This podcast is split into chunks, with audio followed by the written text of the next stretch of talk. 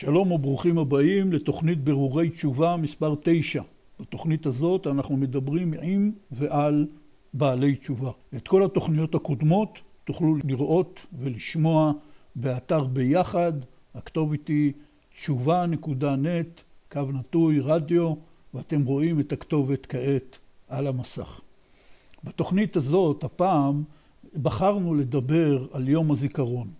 אנחנו מקליטים את התוכנית סמוך למועד יום הזיכרון בחודש אייר, ואנחנו חושבים, וככה הרגישו כל החברים, שיום הזיכרון הוא סוגיה מורכבת ובעייתית אצל הרבה מאוד בעלי תשובה.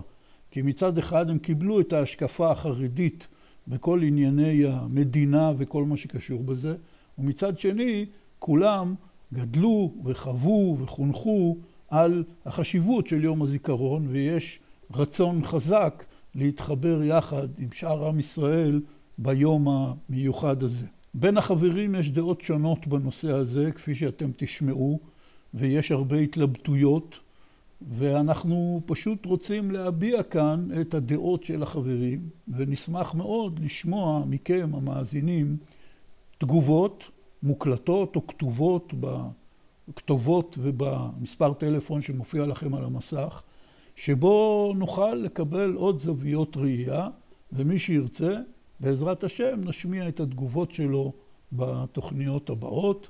אנחנו מודים לכולם על התגובות שכבר קיבלנו על התוכניות הראשונות, ואנחנו נתייחס אליהן בתוכניות הבאות. נמצאים איתנו בן ציון טייר, אלעד צדיקוב, רפאל קליינמן, דוד קרפס, חגי מזור, שחר בלומנטל ואני, עופר גיסין. בגלל ספירת העומר דילגנו הפעם על האות של התוכנית, שהוא מנגינה משמחת במיוחד, ונתחיל לדבר על הנושא. והשאלה המונחת לפנינו היא מה הדעה של החברים המשתתפים בעניין יום הזיכרון, בעניין היחס הנכון על פי תורה, על פי רגש ליום הזה, ואיך צריך לציין אותו. ונתחיל איתך, בן ציון. הנושא הזה של ציון יום הזיכרון, המקום של המדינה הוא בכלל זניח פה בכל הנושא של אה, צערנו ושותפותנו עם החיילים. אני חושב שזה דבר מאוד בסיסי, שאנחנו כעם, החיילים מגינים ומוסרים נפשם עלינו כעם. לפני הצד של מדינה, זה לא משנה מה יחסי למדינה, בין אם יחסי אה, מחייב או מזכה, זה, המדינה היא בכלל לא פקטור פה. יש פה צד של אחים שלנו, חברים שלנו, בני דודים שלנו, וסתם חלק מעמנו, שמסרו נפשם על מנת להגן עלינו כעם. ואין לך חיוב של הכרת הטוב גדול יותר מהחיוב למי שהסכים למסור נפשו כפשוטו על הצלת חיינו.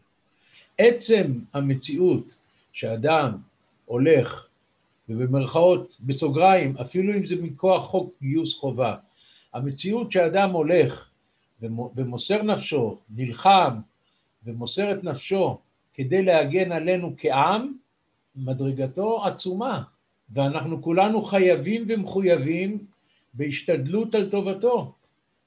אז, אז אפשר לדון עם הטקס המסוים ההוא כן להשתתף בו או לא להשתתף בו, אבל לדעתי זה דבר שולי. תנועת הנפש הפנימית שלנו צריכה להיות תחושה של חיוב גדול בהכרת הטוב לאנשים האלה. לשבת, לקרוא תהילים לעילוי נשמתם, לעשות פעולות אחרות לעילוי נשמתם, להרגיש הכרה פנימית עצומה בגודל תרומתם העצומה לנו כעם. ויהיה המהלך האישי שלהם בבחירה הפרטית שלהם על דרך חייהם, יהיה אשר יהיה. זה לא משנה בכלל. על הפן הזה, שהם מסרו את נפשם כפשוטו להגנתנו כעם, כולנו מחויבים בהוקרה שלהם ובהשתדלות שלהם. אפשר לדון אם uh, ההשתתפות בטקסים היא הדבר המחייב, או אם לעשות פעולות אחרות, זה, זה עוד דיון. ודאי שכל אחד מה שיעשה יותר יועיל, אבל להיבדל מהטקסים או לא לעמוד בצפירה, אין הווה אמינא בכלל. למה, למה, למה, מה, מה, מה העניין בכלל למצוא, למצוא את עצמנו מנותקים מכלל העם בדבר המאוד עמוק ומחייב הזה. לדעתי אין שום הווה אמינא לבדל את עצמנו או להחריג את עצמנו מהשותפות, כי זה משהו שהוא שייך לנו כעם, לא כמדינה. וזו נקודה בסיסית שמי שמערבב ומטיל איזשהו דופי בעניין תרומתם הנפלאה והעצומה של החיילים האלה בגלל איזשהו זיקה או יחס למדינה, הוא מערבב מין בשאינו מינו והוא מטעה וטועה. כן, דוד. אני רוצה לספר אה, משהו על עצמי. אני נולדתי למשפחה אה, ירושלמית, בית"רית, אצ"לניקית, ובתור ילד חונכתי על אה, למות או לכבוש את ההר. סבא שלי וסבתא שלי היו לוקחים אותי בתור ילד קטן, כל שנה לעולי הגרדום בעכו ולאזכרות, והייתי אה, שר, למות או לכבוש את ההר, וכל השירים של בית"ר, של ז'בוטינסקי, וכך חונכתי. אבל בגיל אה, 16 בערך, נחשפתי בעצם לתרבות האמריקאית של אחרי מלחמת וייטנאם, ונהייתי לא פציפיסט, לא שמאלני, אלא התנתקתי רגשית מכל קשר ומחויבות למדינה, לצבא, לממשל. לא הרגשתי שייך, הרגשתי יותר שייך, מה שנקרא, להיות אה, אזרח העולם. ולא רציתי להתגייס. ובכל זאת, כשהגיע גיל, בעיקר כשראיתי גם את אחי, אחי היה בצנחני, וראיתי אותו חוזר מהשירות בצנחנים, אה, אני זוכר שנסענו, ל, ל, ל, כשהוא היה בטירונות, עוד ב- לפגוש אותו, ב, לא יודע, בסנור שם, ב, היה באוהל סיירים, באיזה הר. זה, זה עשה, לי, עשה לי רע, לא רציתי להיות חלק מהעניין הזה. ובכל זאת, כשהגיע גיל, גיל הגיוס, בגלל שפרצה אז מלחמת לבנון, מה שנקרא מלחמת שלום הגליל, התגייסתי. ובגלל שלא יכלתי לשאת את הרעיון של אה, ממש קרב, כן התגייסתי לקרבי, התנדבתי לחיל הים. כי חיל הים זה סוג של סטריליות מסוימת. וגם uh, במלחמה, והפלגנו במלחמה, והיה עניינים ו- וטילים, הייתי בסטילים, זה עדיין סטרילי, אתה יורה טיל, זה... אתה לא רואה את, ה- את הדם. וכשחזרתי בתשובה, וגיליתי שאת התפיסה האנטי-ציונית החרדית, זה התלבש לי כמו כפפה ליד. אמרתי, או, oh, רואים שהיה לי את ההרגש התורני טבוע בתוכי להיות uh, מנותק מכל העניין הזה. אנחנו, יש לנו תורה, אין לנו שיעור, אלא התורה הזו, וכל השאר בטל ומבוטל. ואני זוכר שאני יושב באור שמח, היה יום הזיכרון, ואנחנו יושבים בבית המדרש ולומדים, והייתה צפירה. הייתה צפירה, וכולם ממשיכים ללמוד. ונעמד שם יהודי אה, שהוא היה מבוגר ממני, אני הייתי בן 21, אבל הוא היה בן אה, אדם מבוגר כבר, ונעמד והתחיל לצעוק, תגידו לי, השתגעתם? השתגעתם? זה יום הזיכרון, מה אתם יושבים ככה? תעמדו. ואני זוכר שהוא זעזע אותי, הסתכלתי מסביב ואמרתי, לא, הוא לא צודק, הוא לא צודק, אה, לא צריך לעמוד, זה, זה, זה, של, זה של המדינה, מה אני קשור לזה? אני, יש לי רק תורה. ועברו הרבה שנים, ובמהלך השנים האלה למדתי הרבה מאוד uh, תנ"ך, ופתאום ראיתי ש, שזה לא בדיוק כמו שסיפרו לי. והנרטיב אה, החרדי קצת, אה, יש לו איזו סתירה עם, ה, עם הנרטיב התנ"כי. ו... וזה עדיין לא זעזע אותי לגמרי, בסדר. ולקח זמן, ולאט לאט השתחררתי, והיום אני, אני כל כך, אני חושב שזה קורה להרבה בעלי תשובה ותיקים, שעוברים את המעבר הזה מהאנטי-מדינה למקום של אה, ישראליות. ו, ואני מרגיש שזה מעבר למה שבן ציון אמר. בן ציון שם את הערך הענק, שלדעתי הוא באמת מהותי, של הכרת הטוב, אבל אה, זה מעבר לזה. זה, זה, אני חושב שיש לי הזדהות רבה מאוד היום עם המדינה, היא לא מושלמת, היא אפילו חצי מושלמת, היא לא מתקרבת להיות מושלמת. אבל החיים שלנו הם חיים לא מושלמים, והקדוש ברוך הוא מנהל תהליכים ב... לאו דווקא בשלמות ובמושלמות. ואנחנו בני אדם לא מושלמים, ו... ואני רואה את, ה... את הערך הזה של המדינה, של הדגל, של הצבא, זה מרגש. זה מרגש אותי מאוד, וזה מרגש אותי כי זה בעיקר כשעוברים את המעבר בין יום השואה ומדברים עם ניצולי שואה, ואני מדריך בפולין והייתי מאוד אה, מעורב בתוך אה, ענייני השואה, אתה מדבר עם כל ניצול שואה, אומר לך, אתה יודע מה זה שיש לנו, שלנו, חיילים שהם מתרגשים, הם בוכים. ולקח לי זמן והבנתי שהם צודקים, הם באמת צודקים. ובשבת, כשידעתי שאנחנו הולכים אה, לדבר על הנושא הזה, אז ישבתי ופתחתי את הספר, את הספר איש צדיק היה, של, אה, על הרב רב אריה לוין. רב אריה לוין היה הסנדק שלי, והוא היה גם המסדר קידושים של ההורים שלי, וכמו שאמרתי, אני בא ממשפחה אצלניקית. ורב אריה לוין, הוא אמר ככה, לגדולי ישראל אין השגה בגדולתם של אלה הרוגי המלכות. הוא כמובן דיבר על הרוגי המלכות שהבריטים הרגו את, ה... את אנשי האצ"ל והלח"י, על המרד שלהם, אבל תבינו את המשפט הזה. לגדולי ישראל, לא לקטני ישראל, לגדולי ישראל, אין השגה בגדולתם של אלה הרוגי המלכות. זה אנשים שמסרו נפש כדי שאנחנו נוכל לשבת היום ו- ולעסוק ב- במה שאנחנו עוסקים, אם זה בתורה, אם זה בחינוך, אם זה בכל דבר. ואני כן רוצה להגיד שיש כאן, אני, אני לא חושב ש, שהציבור החרדי בדווקא חייב להתגייס, זה לא זה. יש הבדלי תרבות ויש הבדלי תפיסה, ו, ואני יכול להעריך בזה, אבל חייב להיות שכל צד יכיר טובה לצד השני. חייבת להיות כאן הדדיות. אנחנו מחזיקים את היהדות, את המבנה, נקרא לזה, את התרבות של עם ישראל. היהדות זה התרבות של עם ישראל, לא הבימה זה התרבות של עם ישראל. אנחנו מחזיקים את זה במסירות נפש. הם מחזיקים את הטריטוריה של עם ישראל. אנחנו צריכים להגיד להם תודה, בלעדיהם אנחנו לא יכולים, היינו אולי כרגע לשבת, אני גר בביתר עילית, בגוש עציון, מי שגר בכל מקום איפה שהוא גר, בירושלים, בהרצליה, בזה, לא היינו יכולים לשבת ולגור כאן. נעזוב לעסוק בתורה, לעסוק בתורה אפשר גם בחוץ לארץ, אבל לגור כאן לא היינו יכולים בארץ ישראל. והם מצד שני צריכים להכיר בזה שאנחנו מחזיקים את היהדות, כי בלי היהדות, ככל הגויים בית ישראל. אז יש כאן איזו סימביוזה שחייבת להתקיים בהערכה הדדית, ואם היינו יכולים לתקן את זה ולהעריך אותם ושהם יעריכו אותנו, אז כל, כל אחד שיעשה כפי הבנתו, יש מי שעושה כך, יש מי שעושה, כך.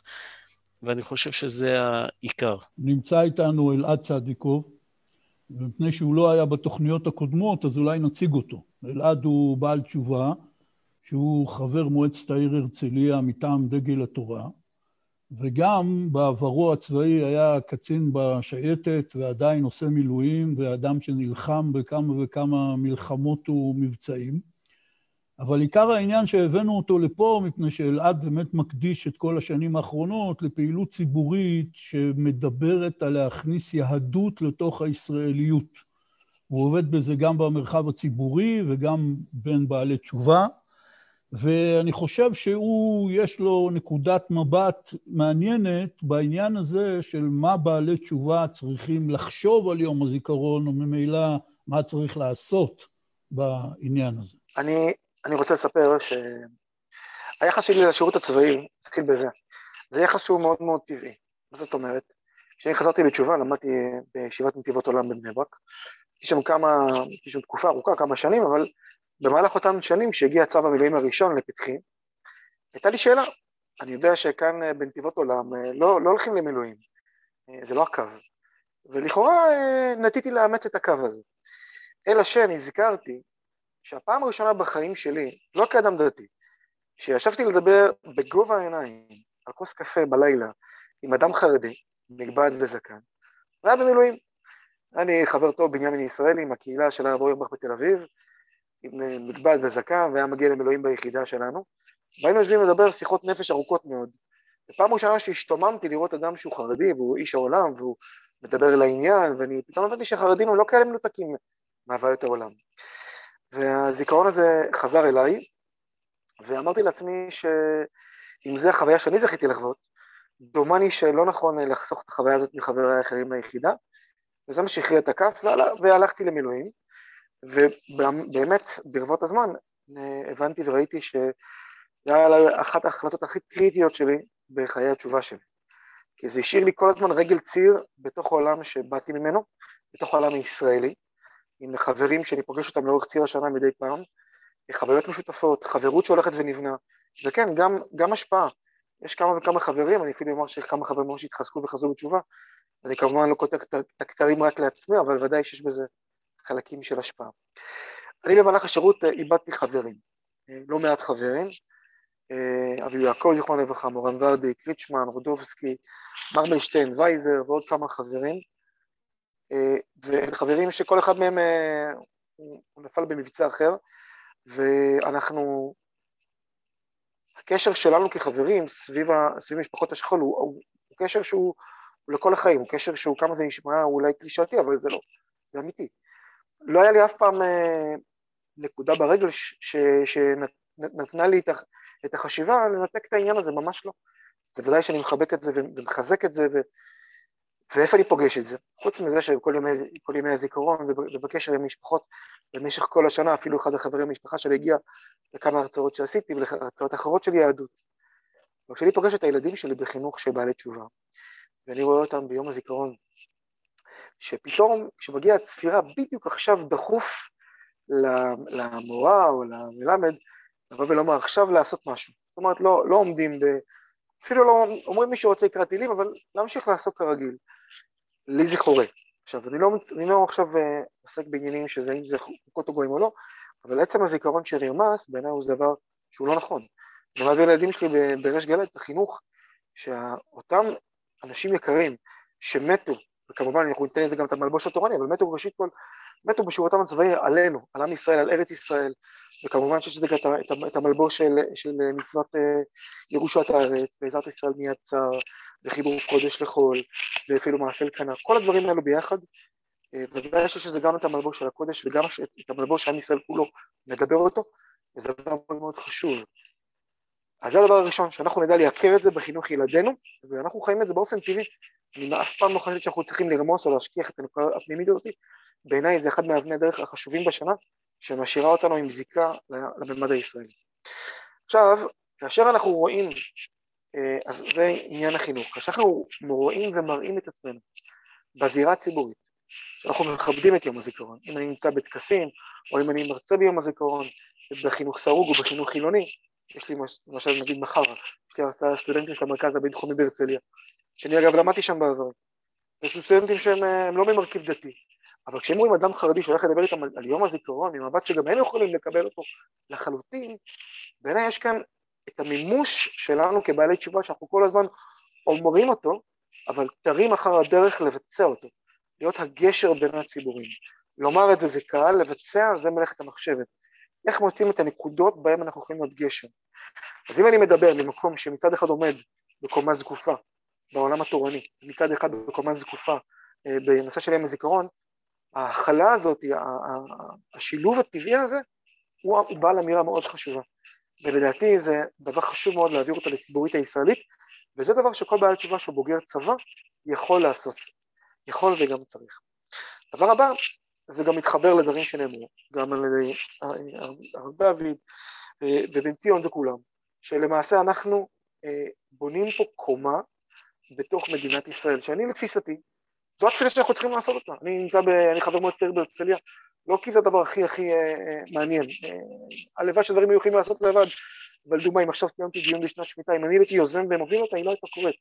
לא כי אני איזה, איזה אדם, פשוט בגלל שצריך את העזות הזאת, לבוא להרצליה, לדפוק בדלת, חברים, זה שמיטה של כל עם ישראל, פתאום הם יכולים לקבל את זה. אותו דבר גם פה. אם אנחנו נצמיח את הקומה הרוחנית, את האמירות התורניות, בתוך כל חלק מהפסיפס הישראלי, בעיניי זה דבר שהוא צריך להישמע. כשמשמיעים אותו, גם אם נראה לנו שהעולם אטום ולא שומע, זה פועל את הפעולות שלו. כי גם אנשים שנמצאים בחושך מוחלט, שאתם מוצאים איזשהו זיו של אור מלמעלה, פתאום אומרים, תשמע, זה מבט מאוד מעניין, שאף פעם לא שמעתי על יום הזיכרון, אף פעם לא, לא חשבתי שיש כזה יחס עמוק ורוחני לציבור תורני, לציבור חרדי, לנושא יום הזיכרון, זה מאוד מעניין אותנו שזה קורה, פתאום אנשים נפתחים ופתאום חומות נופלות בעקבות הנושא הזה. אז איזושהי תפיסת עולם שאני אימצתי ואני מוצא אותה שהיא כמעט כל בעל תשובה שאני אדבר איתו, גם אם הוא לא עשה הכנה מוקדמת, פתאום אנחנו רואים שהדברים נופלים על אוזניים קשובות והלב פתוח. תודה אלעד. שחר, מה אתה אומר? יום הזיכרון, אה, יום טעון, יום מרגש. מה שאמר קודם דוד על ה... לחבר את זה גם לדברים ש... שאלעד דיבר עכשיו, על התהליך שעובר על בעלי התשובה, תחילת התשובה, וככל שהם מתקדמים ולומדים תורה ומבינים את העניינים. אני אספר סיפור אישי שלי, אני אקח אתכם לכמה אנקדוטות בחיים שלי, ושאולי מצביעות על, על התהליך הזה ש... שעובר על בעלי התשובה, כמו שדוד ציין. אז נתחיל ביום שבטח כולכם זוכרים איפה הייתם ביום הזה, אה, יום שבת, אה, תשל"ג, יום הכיפורים, שתיים בצהריים, אני ילד חילוני ממוצע בן שש, שמה עושה בעצם? עם האופניים, נכון? נוסע ליד הבית עם האופניים, ופתאום נשמעת צפירה. ואני בתור ילד יודע שבצפירה צריך לעמוד ולהוריד את הראש כי אני עצוב, וזה מה שאני עושה. אני נעמד באמצע הרחוב, עומד דום, מוריד את ראשי למטה, ועצוב. ואני לאט לאט מרגיש שמסביבי יש תכונה, וזה לא בדיוק הסיפור שאני מכיר מהצפירות הקודמות ש, שחוויתי. ומתוך כל הריצות של האנשים שאני רואה מסביב, אני פתאום שומע צרחה מקפיאת דם של אימא שלי, שצורחת את השם שלי. שחר! ואני מסתכל למעלה ואני רואה את הפנים שלה, ועד היום, כל צפירה שאני שומע, זה הפנים של אמי, פנים מביעות אימה וחרדה, ו, ומאותו רגע הבנתי שזה לא צפירה, כמובן מלחמת יום כיפור, ואז התחיל בתור ילד החוויה הראשונה שלי עם המוות, ילדה מהכיתה שאיבדה את אחיה, חזרה לכיתה, שהתחלנו ללמוד אחרי זה שהמלחמה קצת אה, נרגעה, פניה לא היו כפניה הקודמים, הבנתי מה זה אובדן, אה, אבא שלי הלך למלחמה, חזר אחרי חצי שנה, חוויתי את החוויה של המלחמה, ו- וכל פעם הצפירה הזאת אצלי, היא, היא מחזירה אותי למקום הילדי הזה, ואגב, זה מה שאני רוצה להגיד גם בבעלי תשובה, בתהליך שהם עוברים, שדוד דיבר עליו, הרבה פעמים מאבדים את, ה- את הגרסא דיאנקותא. מאבדים את האותנטיות, מאבדים, אפילו נפרדים מהאינטואיציה הטבעית שלנו, שקיימת אצלנו. עכשיו, אם, אם הגרסא דיאנקותא הזאת היא, היא משהו שחס ושלום סותר את עיקרי התורה, אז אוקיי, אז זה העניין שלך עכשיו להתגבר על זה. אבל אם זה דבר, וזה נוצר גם בעוד נושאים אגב, אה, שלא נדבר עליהם עכשיו, אבל הגרסא דיאנקותא זה דבר שהוא, אי אפשר להיפרד ממנו, הוא קיים אצלנו תמיד. אז עכשיו נלך כמה שנים קדימה, חזרתי בתשובה, ממש, אני חושב אולי בשנה או שנתיים הראשונות לתשובה שלי, מצאתי את עצמי אה, בצפירה בכיכר אה, מלכי ישראל, מה שנקרא היום כיכר רבין, פעם זה נקרא כיכר מלכי ישראל בתל אביב, שאני ממש חדש בתשובה וראשי מלא מכל ההרצאות שקיבלתי עכשיו, שלעמוד בצפירה זה סותר את עיקרי התורה, ולעמוד אה, בצפירה זה מבזה את נשמות החיילים, כי היהודי הוא יושב באבל והוא לא עומד באבל, ועוד כל מיני דברים שקיבלתי בהרצאות האלה הראשונות של החזרה בתשובה. ואני כל כולי מלא באשקופה הזאתי, ואני עומד בצפירה כי אני נמצא בציבור, צריך לעמוד בצפירה. וכשאני עומד, העיניים שלי קולטות צדות, אה, שלושה אנשים שעומדים במרכז הרחוב, אה, צוות צילום של איזושהי איזשהו ערוץ טלוויזיה, מצלמים את הצפירה, אחד עם המיקרופון, אחד עם המצלמה, עוד אחד על המוניטור, ואני אחרי, אחרי הצפירה ניגש אליהם. אומר שלום, אפשר להחליף אתכם כמה מילים? כן, בבקשה, אנשים נחמדים. אני רוצה לחלוק איתכם תובנה שלי. מה התובנה? אני אומר, תראו, אני עמדתי בצפירה עכשיו, לא כי אני חושב שצריך לעמוד בצפירה, אלא כי אני פה בציבור ואני לא רוצה להיות יוצא דופן, אז אני מכבד את מי שעומד, וגם אני עומד, אבל אם הייתי בביתי, לא הייתי עומד בצפירה, כי אני חושב שככה וככה וככה. ואתם גם לא עמדתם בצפירה, כי אתם עכשיו צילמתם את הצפירה. אז מה שאני רוצה להגיד לכם, שהעיקרון הזה, שאם אדם מאמין במשהו, אתם מאמינים שהפרנסה שלכם והעבודה שלכם והצילום הזה לאייטם בחדשות הוא יותר חשוב מלעמוד בצפירה, ואני מכבד את זה. אז אתם תכבדו את מה שאני לא רוצה לעמוד בצפירה. הייתה שיחה מאוד נעימה, יצאתי מהשיחה הזאת בהרגשה שעשיתי קידוש השם גדול, כי האנשים יצאו עם חיוך, והשיחה באמת הייתה טובה, והם הבינו והם לא התנגדו לדברים שלי, וממש הרגשתי, מה שנקרא, גמרתי את הצפירה הזאת כשאני עף על עצמי. וזה מה שנקרא דא אקא, כי, כי אני לא חושב שזהו מצב הנפש הרצוי, שאתה עומד בצפירה ואומר, אני היחידי שמכבד פה את כולם, ככה הרגשתי, זה היה קיים אצלי, כן? אני היחידי שיודע איך לכבד את המתים, הם כולם פה לא מבינים מה הם עושים, אבל אני מכבד אותם וכולי. ועכשיו נעבור לעוד אפיזודה שקרתה לי לפני שבוע, זה אומנם לא יום הזיכרון, אבל זה יום השואה, וזה הימים האלה קשורים אחד בשני.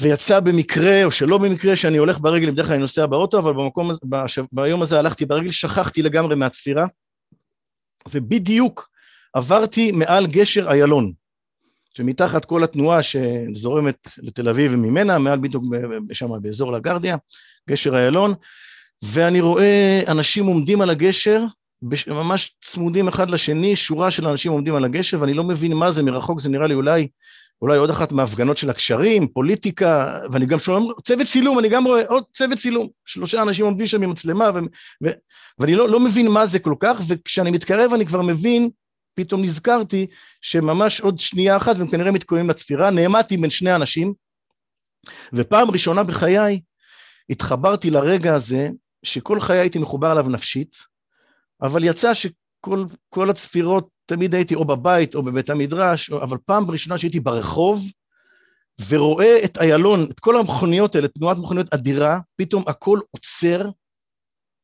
ונפתחות הדלתות, ויוצאים האנשים ונעמדים, והמראה הזה, הסתכל, עכשיו, עכשיו אני מתרגש שאני, שאני, שאני, שאני נזכר ברגע הזה, כי, כי זה רגע שתמיד הבנתי, בוא נגיד ככה, מרגע, שהבנ... מרגע שלמדתי מספיק תורה, כדי להבין שלעמוד ברגע הזה, זה לא נוגע בגופי תורה, וזה לא ביזיון המתים, וזה לא שום דבר, זה רק להתחבר לרגע מדהים, שבו כל האזרחים היהודיים במדינת ישראל עומדים ומתרכזים במשהו חיובי.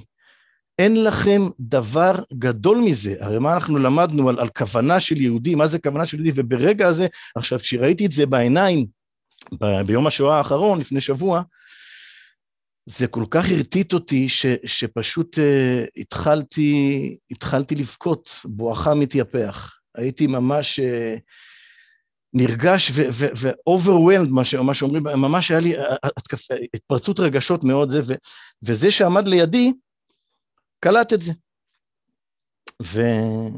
וראיתי אותו מסתכל עליי, והספירה עברה, ו...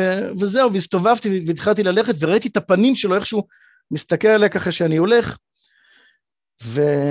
וחשבתי על זה שהתחושה שלי, ההבדל, ההבדל בתחושה שלי בין הצפירה ההיא בכיכר רבין, שהייתי ה... ה...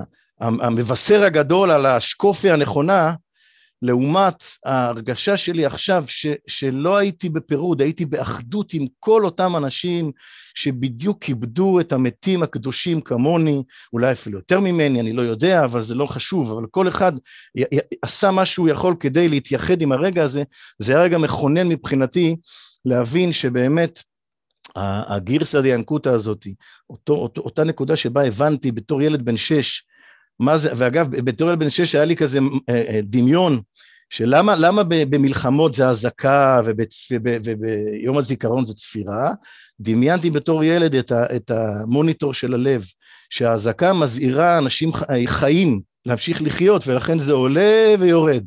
והצפירה מזכירה את, ה, את המוניטור של הלב, שהוא טו, צפצוף אחד שמראה חס ושלום על, על המתים, ועם זה אנחנו מתייחדים. אז כל הזיכרון הילדי הזה הוא כל כך תמים וכל כך uh, אמיתי, ש, שאם באמת זה לא נוגע בגופה של תורה, אז אפשר להתחבר לזה, וצריך להתחבר לזה, אה, גם מתוך הכרת, ודאי שמתוך הכרת הטוב לקדושים האלה, ש, שבמותם ציוו לנו את החיים, אה, זהו בעצם החוויה האישית שלי עם העניין הזה.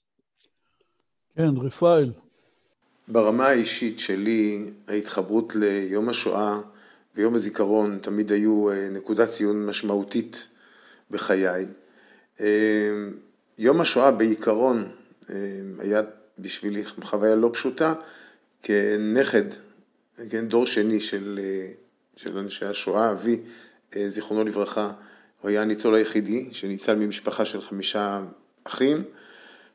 אני זוכר שתמיד כעסתי ביום השואה על העובדה שאני לא יכול, לא יכולתי להכיר את הסבא וסבתא. בקיצור, תחושות אה, כאלה ואחרות של ילד, וממילא תמיד היה לי את הצורך אה, כן אה, להזכר ולהתייחס ליום הזה. מבחינת יום השואה, אני חושב שסגירת המעגל שלי עם הדבר, לא יודע אם זה סגירת מעגל, אבל התובנה שהייתה לי בהיותי מנהל בתלמוד תורה חרדי, אה, ואפילו בתקופה שבה הייתי, ניהלתי תלמוד תורה שהיה ממש לא ציוני, אני ראיתי לנכון אה, להעביר לילדים בכל הכיתות, ביום השואה וביום הזיכרון, אה, שיעור בכל כיתה. עברתי מכיתה לכיתה, ממש מכיתה א' ועד כיתה ח', ולהסביר ולדבר ולהציג את משמעות היום ואת חשיבות היום ואת העובדה שיש לנו צורך אה, להתחבר, הצורך שלנו אה, להכיר במקום שבו אנחנו נמצאים, וכל שכן גם יש הרבה על מה להודות.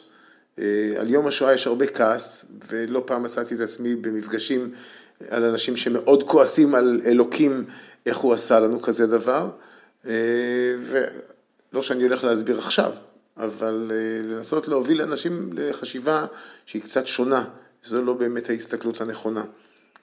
במגזר החרדי שבו אה, אני עובד ועבדתי, שם באמת הוצרכתי להסביר, ואולי להסביר את עצמי למי ששאל איך אתה עושה את זה, פשוט זאת אומרת איך.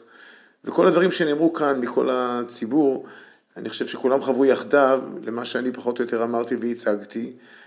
וזה דבר ראשון ביחס שלי ליום השואה וגם כמובן יום הזיכרון. כמי שהיה בצבא, כמי שחברים שלו נלחמו בצבא. אה, בוודאי שהדברים האלה מדברים אלינו, הקשר שלי עם חברי הגרעין שלי עד היום, ואני לא יכול בעצם להכחיש את הרגשות האמיתיים שלי, ואולי כאן אני רוצה להתייחס לנקודה של הרגש, אה, עם השאלה איך אנחנו תופסים את זה, איך אנחנו מתייחסים לזה. אני נותן לרגש הרבה מקום כאן, הרגש של הבעל תשובה, שחש ומרגיש ונושם בתוכו, הישראלי שבתוכו, המציאות שלו פה, החיבור שלו לארץ הזו, אה, מהמקום שבה הוא גדל וחי ונושם, אז בוודאי שלא צריך להכחיש, כל שכן לא לדחות את הרגשות שאיתם אנחנו חיים, חווים, וללכת איתם בהרגשה טובה, הרגשה של שייכות. כל סוף כל סוף אדם קודם כל צריך להתחבר עם עצמו, אל עצמו ואל בוראו ואל כל הסובב. אז כל שכן, אני חושב שצריך פה חיבור אמיתי שלך, אתה מרגיש עם עצמך נכון, כל זמן שאנחנו, כמו שאמר שחר, כל זמן שאנחנו לא עוברים חלילה על גדרי הלכה, אז אה, כל דבר יכול להיעשות בצורה נכונה. על ההשלכות כלפי איך אנחנו נראה, הנראות כלפי הסביבה, כלפי אנשים מבחוץ, כן צלמים, לא צלמים, זה כבר התעסקות אחרת שהיא בהחלט רלוונטית, ואם מדברים על קידוש השם, אבל זה עוד עניין בפני עצמו. אני כן חושב שהיכולת שלנו להבין את המשמעות של הזדהות עם הציבור, אני בכלל עוד לא נכנס לה, להבין את, את הגודל העצום הזה של אה, אה, אה, אה לזכור, לזכור את אה, כל אלה שנפלו וחירפו ומסרו את נפשם למען, מה, למען שאנחנו נמשיך ונהיה פה. אי אפשר להתעלם מהדבר הזה, אי אפשר להתעלם זה לא דבר מהמציאות הזאת, מהעובדה הזו. וכן, הזכירה הזאת היא, היא בהחלט יש לה משמעות, ולא לעבור על זה כלאחר יד. כשם שאנחנו אה, ביום שאדם נפטר, ביורצייט, אנחנו לומדים לעילוי נשמתו, ואנחנו אומרים זה עילוי נשמה, עילוי נשמה. באופן הזה בדיוק אנחנו יכולים לעשות למען כל חיילי או חללי צבא ההגנה לישראל, אלה שבאו והגנו בגופם. וכן, לא רק לזכור, וזה להגיד את התהילים, וזה להגיד את הלימוד, ואם היה לפני שנה או שנתיים שכל אחד לוקח שם של חייל ואומר באותה דקה, באותה דומייה, לומד, או באותו יום לעילוי נשמתו, זה היה אחד הדברים הנפלאים והמרגשים. אנחנו לא יכולים להתעלם מהעובדה שאלה הדברים שמקיימים אותנו. ועם מה שצריך להתמודד, נתמודד. עם, גם בלתת תשובות וגם הסברים. ואני חושב שבאופן הזה, אנחנו באיזשהו מקום סוגרים מעגל עם עצמנו ועם, ועם העולם כולו. להיות בשלום עם עצמנו ובשלום עם כולם. ומי שחושב אחרת, עם כל הכבוד, זו לא רק הבעיה שלו, זו הבעיה שלנו שאנחנו צריכים להעמיד אותו על מקומו. אני רוצה גם אה, לספר את החוויה האישית שלי עם יום הזיכרון. הרי כולנו יודעים, וברקע כל מה שאנחנו מדברים כאן, יש את כל ענייני ההשקפה בתוך הציבור החרדי, שכולנו חזרנו בתשובה לתוכו, חלק מאיתנו ספגו את זה במשך רוב ימי חיינו, את, ה, את ההשקפה שבמקרה הטוב היא מתעלמת באלגנטיות מיום הזיכרון, ובמקרה הפחות טוב היא ממש נגד ההשתתפות בעניין. שהרי גם כאן מה שאמרו על העניין הזה של הכרת הטוב ולחללים, השאלה כמובן שכל אחד יבוא וישאל, למה דווקא בד' באייר? תברר את היורצייטים של כל החללים שנהרגו, וביום הזה תכבד אותם כפי המנהגים היהודיים, לעלות לקברם, ללמוד לעילוי נשמתם וכן הלאה. למה דווקא ביום הזה? אז נכון שהחברים פה אמרו את העניין של, של ההשתתפות עם כולם. אני אישית, בשנים הראשונות שחזרתי בתשובה ואחרי שהתחתנתי, גרתי ממש בתוך מאה שערים. וחייתי בתוך כל ההוויה הזאת של ההשקפה הקנאית של מאה שערים, שהיא מיעוט מהציבור החרדי, אבל היא מיעוט ניכר. אבל אני הרגשתי תמיד, מתחילת התשובה, שאין לי את הלוקסוס להתעלם מיום הזיכרון. עם כל הכבוד לכל ההשקפות והכול, פעם בא אליי איזה שכן שהיה קנאי גדול, ואמרתי לו, אתה יודע, היום יום הזיכרון, אומר לי, מה לך ולזה? אמרתי לו, בוא, תעשה טובה, תפרגן לי כבעל תשובה את יום הזיכרון. וסיפרתי לו, ואני רוצה לספר את זה פה גם כן, כי אני חושב שאני מביא פה את הנקודה שאני בכלל לא נכנס עכשיו לענייני השקפה. אני מכיר את כל הדעות, מכאן ומכאן, נגד ובעד, אני לא מציין את יום הזיכרון מפני שאני אה, ציוני, כי אני לא ציוני, ואני גם לא, לא מציין את יום הזיכרון כי אני אנטי-ציוני, זה בכלל לא קשור בתוך כל הקלחת הזאת. לי קוראים עופר שלמה, וקראו לי על שם אח של אימא שלי שנהרג במלחמת השחרור. ואני נולדתי עשר שנים אחרי מלחמת השחרור, ומגיל שלוש לקחו אותי לאזכרות ביום הזיכרון. זה ממש, זה לא גירסא דיאנקותא, זה גירסא דתינוקותא אצלי. כשאבא שלי היה בן 15, נהרג בן דוד שלו שהיה בן 19 במלחמת השחרור. כשאני הייתי בן 15, נהרג בן דוד שלי שהיה בן 19 במלחמת יום כיפור. כשהבן הגדול שלי היה בן 15, נהרג בן דוד שלו בן 19 בפיגוע. ככה שאצלנו כל העניין של השכול חוזר אחת לכמה שנים בכל מלחמות ישראל. אצלי באופן אישי גם הבן דוד שנהרג במלחמת יום כיפור, הוא היה בן אדם שהכי הייתי קשור אליו בחיים והוא מאוד מאוד השפיע עליי, ואצלי זה היה טראומה לא פשוטה, זה שהוא נהרג, וחייתי על המורשת הזאת. ואפשר להגיד בעיקרון, במלחמת יום כיפור הייתי בסביבות בגיל 15, אה, זה השפיע על כל מהלך החיים שלי, ואפשר להגיד שגם בזכות זה חזרתי בתשובה בסופו של דבר של איזה תהליך. ולכן, במקרה שלי, ויש כמובן לצערנו עוד רבים כמוני שהם באים ממשפחות שכולות, והשכול הוא לא איזה כותרת של המשפחה, אלא חוויה אישית טראומטית מאוד מאוד חזקה, אני חושב שאנחנו צריכים לפרגן לעצמנו את יום הזיכרון, כפי ששחר דיבר על זה מאוד יפה. והנקודה הזאת היא נקודה חשובה. ומעבר לזה, כמובן שיש גם את הנקודה שאלעד דיבר עליה, של העניין שאנחנו כבעלי תשובה צריכים לבנות קומה של יהדות על הישראליות שלנו. מפני, ודיברנו על זה בתוכניות אחרות בהקשרים אחרים, הניסיון של בעלי תשובה למחוק את הישראליות שלהם ולנסות להפוך לחרדים גם מבחינה סוציולוגית וחברתית, זה לא מצליח. כלומר, אפשר להתווכח אם זה נכון, אבל השאלה לא אם זה נכון, אלא זה פשוט לא מצליח, זה לא עובד. אני חושב שכולנו כאן, בלי יוצא מן הכלל, בתחילת התשובה היינו הרבה יותר קיצוניים ושאבנו את ההשקפה החרדית, ובשלב מסוים, אחרי חמש, עשר, עשרים, שלושים שנה, שינינו את דעתנו. וזה קורה, אני חושב, אפשר להגיד לכל הבעלי תשובה הוותיקים, אז יש דברים בגו. זה לא כולם טיפשים, כולם שטופי מוח, כולם לא יודע מה, התקשורת השפיעה עליהם. יש פה איזה תהליך מאוד עמוק של הבשלה שלי כחלק מהחברה הישראלית, אם זה במובן של משפחות שכול, ואם זה גם במה שאני עברתי, התגייסתי, הייתי חייל קרבי, יש לי חברים שנהרגו במלחמות, במבצעים וכן הלאה. כולנו שאבנו את החוויה הזאת לתוך עצמנו, ואני חושב שעל פי תורה ועל פי יהדות, הניסיון של בן אדם למחוק חלקים מעצמו שהם לא נגד התורה בשום צורה, זה דבר פסול. ולכן דווקא בעניין הזה אנחנו צריכים לבוא ולעמוד ולהגיד אחד לשני, אני לא מדבר עכשיו לעשות איזו תעמולה חיצונית, להגיד אחד לשני, צריך לפרגן לעצמנו את יום הזיכרון, בין כחוויה אישית מאוד חזקה, כמו ששחר תיאר בצורה מאוד מרגשת, ובין במובן הזה שאנחנו באמת בונים קומה של יהדות ותורה על משהו שהבאנו מהבית.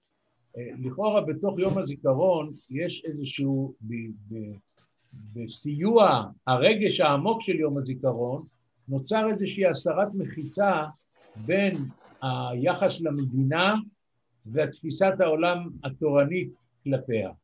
והטשטוש הזה, הסרת הגבולות בין העובדה שהמדינה פתאום מתקנת ימים וחגים וזמנים וטקסים והנהגות, היא שמפריעה, כי אנחנו כביכול בדרך אגב, ב, ב, בסיוע, במעקף של הרגש, מאמצים הסכמה להתנהלות המדינה עלינו. ואני רוצה להיזהר מזה, ודעתי לגבי המדינה היא לא ברורה, או ברורה בהיפוך, זה לא משנה כרגע, ואני חושש שהריגוש של העמוק של יום הזיכרון אם מערבבים בתוכו את הפן של המדינה, שזה בא לידי ביטוי על ידי הטקסים המסוימים וההנהגות המסוימות, שמה נכנס לי איזשהו דבר שלא רציתי בדרך עקיפה, ואין לי את היכולת לחסום את זה, לכן אני לפעמים בשבע אל תעשה, מעדיף להירתע מזה. אז אני חושב שאני ניסיתי בדיבור שלי להגיד שאנחנו צריכים בתנועת הנפש שלנו קודם כל להבדיל לא לכרוך את הסיפור של מדינה או לא מדינה, אלא החיילים הם חלק מהעם שלנו, הם אחים שלנו, הם קרובי משפחה שלנו. זה לא צריך לבוא בעסקת חבילה עם הכרה או, או תחום אה, כלשהו שקשור למדינה. המחויבות הנפשית הפנימית שלנו צריכה להיות כבן אדם לאדם יהודי ליהודי. ברגע שהופכים את זה, כמו שדוד תיאר את הריגוש הגדול של הביחד, או שחר תיאר את המציאות שכולם עומדים, והביחד הזה, עדיין אם מצליחים להבדיל אותו כביחד של עם ישראל, חזק וברוך. כן. אז בעצם יש פה שתי גישות. יש גישה אחת, שהיא הגישה שהוצגה בהתחלה, שאני מאוד מתחבר אליה, וגם עופר אמר את זה, משהו עכשיו מתחבר ליום הזה, זה לא מצד שהוא ציוני או אנטי-ציוני, ההשקפה לא משחקת פה תפקיד בכלל בחיבור שלי ליום הזה. החיבור שלי ליום הזה הוא רק מהרמה האישית, החווייתית והרגשית. אה, כן, גם של, יש פה גם את הכרת הטוב כמובן, אבל העניין הוא שאני יכול להרשות לעצמי את זה, כי למה בעצם, למה בעצם המדינה היא צד בכל הסיפור הזה? היא לא, אם היה מדובר, בוא נגיד שהיה מדובר על חופה, המדינה קבעה סוג של חופה, משהו שמרגש אותי מאוד, אבל לא הלכתי. אז ככל שזה ירגש אותי זה לא משנה בכלל, כי החופה הזאת היא לא הלכתית, אז אני בחיים לא אתחתן ככה, ואני גם לא אלך לחופה כזאת של חבר שלי, כי אני לא מסכים עם זה השקפתית, וזה נוגד פה את עיקרי התורה. מצוין.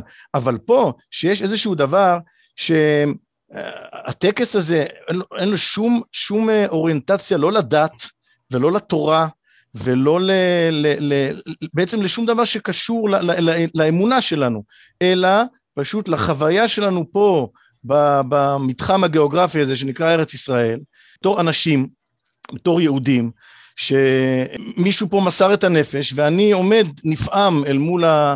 נפעם ומתרגש ומשתתף בצער של המשפחות, ומוקיר תודה על זה שהוא אפשר לי את החיים פה. הגישה השנייה אומרת, מה שאמר, מה שאמר בן ציון, למה אני צריך לחבר את ההשקפה שלי, תהיה השקפה שלא, ש, ש, שלא תהיה על המדינה. מה המדינה קשורה לפה? אני רוצה להציג את הגישה השנייה. הגישה השנייה אומרת שכל העניין שקבעו את יום הזיכרון יום לפני יום העצמאות, לקביעה הזאת יש משמעות תרבותית, והיא באה לנסות לחנך את כל האנשים במדינה, וכולל אותנו ואת ילדינו, לשנות לנו את התרבות לעניין הזה שהדבר הכי גדול בעולם זה השירות הצבאי והשירות בצבא של המדינה, והנקודה הזאת, שזאת תכלית חיינו פה. ויש ציבור חרדי שסובר שתכלית חיינו פה זאת התורה הקדושה, וברגע שאנחנו כביכול נכנעים לתרבות חילונית של הציונות והמדינה, זה יכול ועלול לגרום נזק השקפתי גם לנו, גם לילדים שלנו, ולכן עדיף להימנע מכל ההשתתפות, כאשר הגישה הזאת אומרת בסוגריים שאם אתה נמצא באיזשהו מקום וכולם עומדים בצפירה, אז גם אתה צריך לעמוד, כדי לא לעורר איבה וכן הלאה. אבל הרצון הוא להתנתק מהתרבות הזאת, להתנתק מההשקפה הזאת, להתנתק מהעניין הזה, שבהרבה פעמים הוא בא בתור איזה מין, אה, מטיחים את זה בפנים של הציבור החרדי, כן? אתם לא עשיתם צבא וכן הלאה. מה שאני ניסיתי לטעון לעצמי, באופן האישי שלי, שאני חושב שאנחנו כבעלי תשובה, רבים מאיתנו, וזה כולל אותי, לא יכולים להתנתק רגשית מדבר שחונכנו וגדלנו עליו ויש לנו חוויות אישיות שקשורות אליו, אבל זה לא אומר שבעלי ההשקפה החרדית שרוצה להתנתק מיום הזיכרון, זה לא אומר שהם טועים, מבחינתי. אני מבין אותם. הרי גם אני מציין את ימי הפטירה של אלה ממשפחתי שנהרגו במלחמות, אני מציין את יום פטירתם ביורצייט שלהם, ביום פטירתם ולא ביום הזיכרון. ביום הזיכרון אני מפרגן לעצמי כמה דקות או כמה שעות של לתת ביטוי לרגש שלי כפי שאני גדלתי. אבל ודאי וודאי שזה לא פוסל את ההשקפה החרדית, ויש פה עניין מאוד מאוד יסודי ונכון שצריך מאוד להיזהר ממנו. בשנים האחרונות, אפילו עשרות השנים האחרונות, יש בהרבה מקומות מטעם רשויות מוניציפליות חרדיות לאחרים שכן מציינים את יום הזיכרון. וכולם מתלבטים איך לעשות את זה, כי מצד אחד רוצים לציין את יום הזיכרון, מצד שני לא רוצים לא רוצים לקחת כעסקת חבילה את כל מה שקשור בזה, כולל יום העצמאות שבא אחריו. ולדעתי כל ההשקפות האלה הן לגיטימיות לגמרי, ולא צריך לעשות מזה כזאת דרמה. כל מה שאני טוען שבעלי תשובה, ואני מניח שיש הרבה שעברו את התהליך הזה, הם מבינים שהם באופן אישי לא צריכים להתכחש לרגש הזה ולמה שהם גדלו עליו, מפני שאין להם שום אלטרנטיבה אחרת. עופר, אני רוצה להוסיף לדבריך שבעלי תשובה הם מומחים בלהתכחש לרגש. במקרים שזה סותר את התורה, הרי זה כל מהות התשובה, ההתנתקות מהדברים ש, שעשיתי בעבר, או שגדלתי עליהם בעבר, ועכשיו אני מגלה פתאום שהם חס ושלום סותרים את התורה, אז אני, אני מתנתק מהם, ואפילו שיש לי איזה חיבור רגשי לשם, אני מתגבר עליו. אבל הדבר הזה של יום הזיכרון, אני לא רואה שום סיבה לנסות להתגבר פה על איזשהו רגש ולהתנתק מאיזשהו משהו בגלל, בגלל שהמדינה קבעה את הטקס הזה, שתקבע כמה טקסים שהיא רוצה, זה לא עניין שלי. אני, היום הזה הוא חשוב בשבילי, ושוב אני חוזר על זה, כי יש פה כל כך הרבה אנשים שיש להם צער, יש להם צער כל השנה. אמר את זה אחד מהחברים פה, הוא לא נמצא היום פה, אה, הרב עודד ניצני, שהוא גם אב שכול. הצער של המשפחות קיים כל השנה. הם לא נפרדים מהצער. רק ביום הזה אנחנו כולנו מצטרפים אליהם ומזדהים איתם ומצטערים איתם ומשתתפים איתם והעניין שזה גם טקס של המדינה, שוב, זה שוב לעניות דעתי ולאיך שאני רואה את זה, הוא כל כך זניח ולא חשוב פה אל מול הדבר הגדול שעומד מולנו, שלמה לי לוותר על הדבר שעליו גדלתי, שבמקרה הזה יצא שהוא לא סותר את התורה והוא דבר טוב, לא דבר טוב, אלא דבר שהוא אה, בעל ערך. אני, אני אענה לך, שחר. עופר אמר את זה ואני רק רוצה לחדד את זה. אין ספק שזה יום מרגש, ואין ספק שאלה טקסים מרגשים, וגם עושים הרבה עבודה כדי שזה יעורר את הרגש. העניין הוא שברגש הזה, כשהוא מתעורר, אז הוא מאפשר זליגה לכיוון מסוים. מה זאת אומרת הזליגה הזו? הזליגה הזו זה שאתה מקבל בעסקת חבילה הזדהות עם הכל, עם, עם הרעיון. והרעיון הוא הרבה פעמים אה, הרעיון של המדינה והרעיון שמוביל את המדינה והרעיון שמוביל את הטקס הוא לא רעיון תמיד טוב. ו, ואני כן רוצה לתת דוגמה אז מה כן אפשר לעשות. אני לפני 16 שנים, אה, היה לי חבר שרצה לנסוע למצעד החיים בפולין, והוא היה בן אדם מחוץ לארץ, ו... והתעוררתי, אני ועוד חבר, לעניין הזה שאם הוא ייסע, אז הרי מה הנרטיב שמוכרים במצעד החיים? ובכל המסעות שהיו אז לפולין, שלקחו רבבות אנשים ו- וקצינים ובני נוער וכולי. מה הנרטיב? הנרטיב הוא שאם היה מדינה ואם היה צבא חזק, לא הייתה שואה. ואמרתי, אמרנו אז, חייבים לעשות מה שנקרא מסע לפולין אלטרנטיבי. שהמסקנה שלו תהיה ש, שהנאצים באו לפ, לפגוע לא במדינת ישראל ולא בצה"ל, אלא ביהדות. ולכן המסקנה צריכה להיות ממסע החיים וכולי, שאם, מצד החיים, שאם אנחנו נמסמס את היהדות, הנאצים ניצחו גם אם אנחנו במדינת ישראל עם צבא חזק. ולכן מה שצריך זה לחזק את היהדות. ואז אה, אחרי שהצלחנו, והצלחנו בענק, כולם התחילו לעשות את זה, כולם, זה אומר אש התורה לקח מאות מסעות לפולין, ערכים לקח ועדיין לוקח מאות מסעות לפולין, נפש יהודי לקח, כל ארגוני הקירוב לקחו את זה. אפשר לעשות טקסים אלטרנטיביים. שהמסקנה לא תהיה שהמדינה היא המחויבות שלנו והצבא זה הערך העליון, אלא שהיהדות היא הנושא, כן? והתורה היא הנושא, וקרבת השם היא הנושא, והנס הוא אלוקי, וששת הימים זה נס אלוקי, זה לא נס ציוני, זה לא הצבא. יום כיפור זה נס אלוקי, כל מי שהיה שם יספר את זה. השאלה היא איך לוקחים את זה לכיוון האמוני, היהודי. הטקס קיים, המציאות קיימת, יום הזיכרון קיים כבר 73 שנה, אנחנו לא נשנה את זה ולא נקבע את זה בתאריך אחר. דרך אגב, תשעה באב זה גם כן עניין של מיליוני אנשים שמתו אי שם בחורבן הבית, ולא מציינים את היורצייט של כל אחד ואחד מהם. יש דברים שהם לאומיים. השאלה היא איך אנחנו יוצקים לדבר הזה תוכן מהותי, פנימי, יהודי, אה, אמוני ושורשי.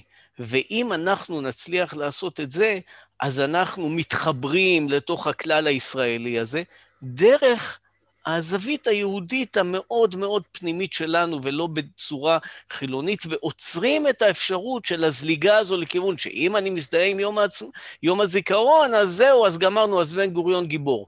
לא, ואני חושב שבמקום להיות יהדות מתגוננת, שמתכנסת בתוך עצמה ומבוהלת ומפוחדת, צריך להיות יהדות יוזמת. יהדות יוזמת זה אומר לקחת אחריות ולהפוך את יום הזיכרון, או יום העצמאות, או יום ירושלים, או מה שלא יהיה, איזה יום או יום השואה, לדבר מהותי ופנימי וערכי ויהודי, ואמוני בעיקר לחיבור לקדוש ברוך הוא. ואם נעשה את זה, אז יש לנו איזשהו משהו בתור בעלי תשובה שחידשנו בתוך המציאות. אבל אם אנחנו נתכנס ונפחד ונזדעזע ונתגונן כל הזמן, אז באמת, אז, אז מה, מה, מה, מה נתרם כאן? עם ישראל ממשיך הלאה. דרך אגב, הוא לא יושב בישיבות בדווקא, הוא נמצא בכל מקום אחר.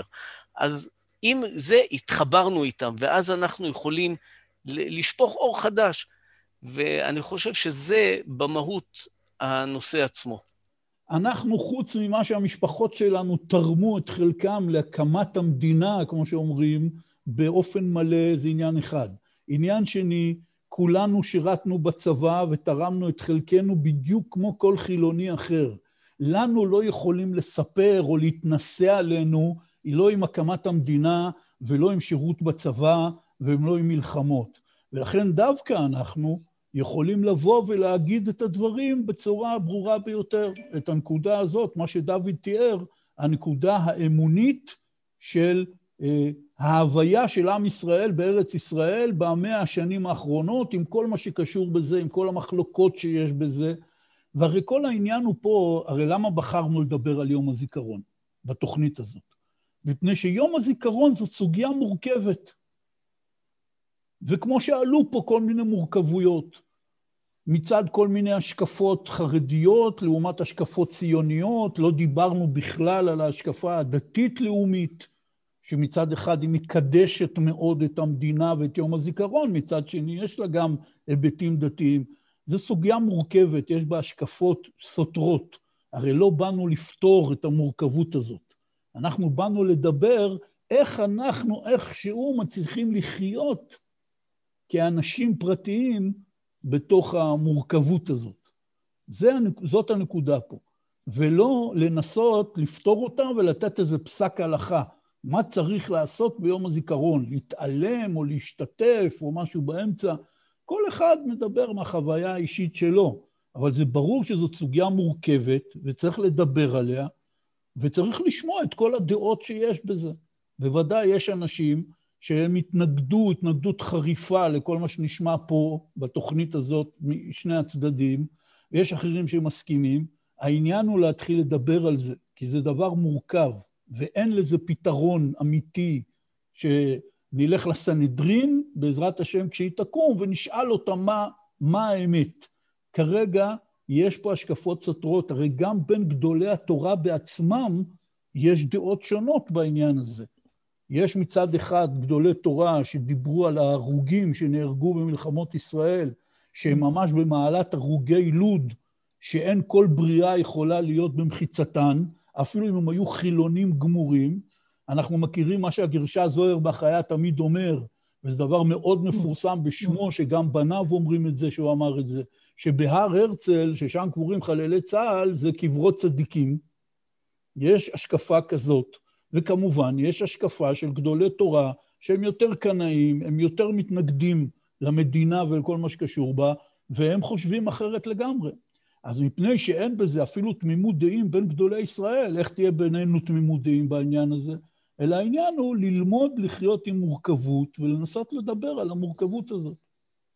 אני חושב שמה שאתה אומר על המורכבות, אה, יש, אה, יש ככה איזה מעין אה, מחשבה שכלפי הילדים, צריך להציג תמונה ברורה, מה ההשקפה, ומה צריך לעשות, ומה אסור לעשות וכולי. ושמתי לב אה, בתוך כל התהליך הזה, שלספר את המורכבות הזאת, הזאת לילדים, זה, זה בסדר גמור, אין שום בעיה. אם זו מציאות מורכבת, אז גם ילדים יכולים לשמוע שהמציאות היא מורכבת. אז מה צריך לעשות, לעמוד או לא לעמוד? אז אני אומר לה, זה מורכב, זה סובר ככה, זה סובר ככה. אני אישית נוהג ככה, וזה פלא איך ילדים, גם ילדים מאוד צעירים, גם מתחת לגיל, לגיל 13, כל אחד מקבל את זה ורואה את זה ומבין את זה, איך שהוא מבין את זה. אני לא חושב שזה, שיש בזה פגם להציג לילדים, גם ברמה החינוכית, אני מתכוון, את, ה, את המורכבות. כי באמת, כמו שאתה אומר, המציאות היא מורכבת. והילדים צריכים לעמוד מול המציאות ולא לנסות להסתיר את המציאות מהם. חגי, מה אתה רוצה להגיד לנו בעניין? עד עכשיו קולך לא נשמע. אני מסכים עם ההגדרה שלך שהפרדת, לדעתי, לטעמי באופן נפלא, בין הרגש הלגיטימי, הרגש הוא בכלל, בהגדרתו הוא לגיטימי, לבין השקופת. ועכשיו זה הפכת את זה לאינדיבידואלי. אפילו אמרת את זה. לא אומרים לאף אחד מה לעשות. והרגש האינדיבידואלי הוא... הוא... שם הבן אדם נמצא, זה נפלא מאוד. זה לא סותר שום ערך מערכי התורה, הפלא ופלא. עכשיו, מה אני מרגיש זה עניין אחר, אבל הרגשה זה דבר אה, מאוד מאוד אה, מאוד מאוד סובייקטיבי, מאוד אינטימי ואינדיבידואלי. לפי דעתי נאמרו פה דברים מאוד מאוד מאוד מרגשים, מאוד. מצווה לפרסם. יש פה נקודה פנימית, כמובן, קודם כל של הכרת התודה לאלה שהיו מוכנים להקריב את חייהם למען אנשים אחרים, וכפי שהרב גרשון אדלשטיין אומר, שהם היו גדולים באהבת ישראל יותר מכל האנשים האחרים, והוא קובע קביעה של גדול בתורה מגדולי הדור, ראש ישיבת פוניביץ' בתוככי בני ברק, שאהבת ישראל יותר גדולה מאהבת הקדוש ברוך הוא. הוא כותב את זה במאמר מפורש, ולכן הוא טוען שכל מי שנהרג עבור עם ישראל, אפילו אם הוא עשה את זה כתוצאה מלאומיות, לא כתוצאה ממצוות אהבת ישראל, הוא עדיין גדול מאוד מאוד מאוד, ובמאמר המפורסם שלו הוא כותב, מספר על בחור שעזב את הדת, לא הסכים להגיד קדיש על אבא שלו, ואחרי זה הוא היה בהפגנה למען המעפילים בזמן הבריטים, ושוטר בריטי הרג אותו. הוא לא נלחם למען עם ישראל, הוא פשוט הלך להפגנה למען עם ישראל. רק הוא נהרג שם. והרב אדלשטיין אומר בצורה ברורה ומפורשת שהבחור הזה הוא כמו הרוגי לוד שאין בריאה יכולה לעמוד במחיצתן בעולם הבא. מה יותר מזה? זאת דעת תורה. והנקודה הזאת היא מבחינתי יום הזיכרון. לא המדינה, לא הדגל, לא יום העצמאות ולא כל הדברים האלה, כי הפוך, הגרסא דיאנקותא שלי זה בדיוק כנגד כל המערכת הזאת, הצורה שהיא מתנהלת, הנזקים שהיא גרמה וכן הלאה, אבל אי אפשר לקחת לאלה שהלכו לקרב והולכים עדיין לקרבות עבורנו, אי אפשר לקחת מהם את הגדולה שלהם. אני, אני אוסיף על דבריך. אז נכון, הכל כאן מעורבב. יש כאן תערובת של אור וחושך. השאלה היא איפה אתה שם את עצמך ביחס לדברים. הרי מדובר כאן על יחס. לא מדובר עכשיו שכולנו הולכים להתגייס. מדובר עכשיו על היחס לדברים. על... והיחס הזה לא יכול להיות שזה יהיה זילות, קלות ראש, התנגדות, לא יודע, זה פשוט בלתי נתפס בעיניי היום. אה, והסיפור של עופר, מה שהוא סיפר על המשפחה שלו, הרי למרות את השערות, שלוש דורות, טח, טח, טח, זה לא... זה, זה, זה, זה עם ישראל, זה ההקרבה הגדולה הזו. ורב גרשון אדלשטיין, גדול הדור, שם את האצבע בנקודה שוודאי כולם קפצו כשהוא אמר את זה, אין לי ספק בזה שכולם קפצו. מה? מה אתה אומר? איזה מין דבר... אין מה לעשות, זה ההסתכלות הצלולה הזו, כמו שאומר, אה, כמו שאמר רב אריה לוין, כמו שאמרו, ורב גרשון הוא חניך בתוך בני ברק, הכי בני ברקית שיכול להיות. הוא לא סאטמר, זה לא זו התפיסה. זה גם לא, זה גם לא שהוא שם דגל מחוץ לבית שלו ביום העצמאות, זה לא זה. זה כבוד לחיי בני אדם שהקריבו את עצמם עבורנו. אני חושב שאי אפשר לראות את זה אחרת. ויש את הסכנה, אני מסכים שיש סכנה, ולכן, כמו שאמרתי, היה ראוי שנעשה טקס אלטרנטיבי, נשב ביחד, נחשוב, לא השנה, אבל נחשוב איך עושים את זה נכון, מה המסרים שאמורים לצאת מזה, והייתי לוקח את כל המשפחה שלי לטקס כזה.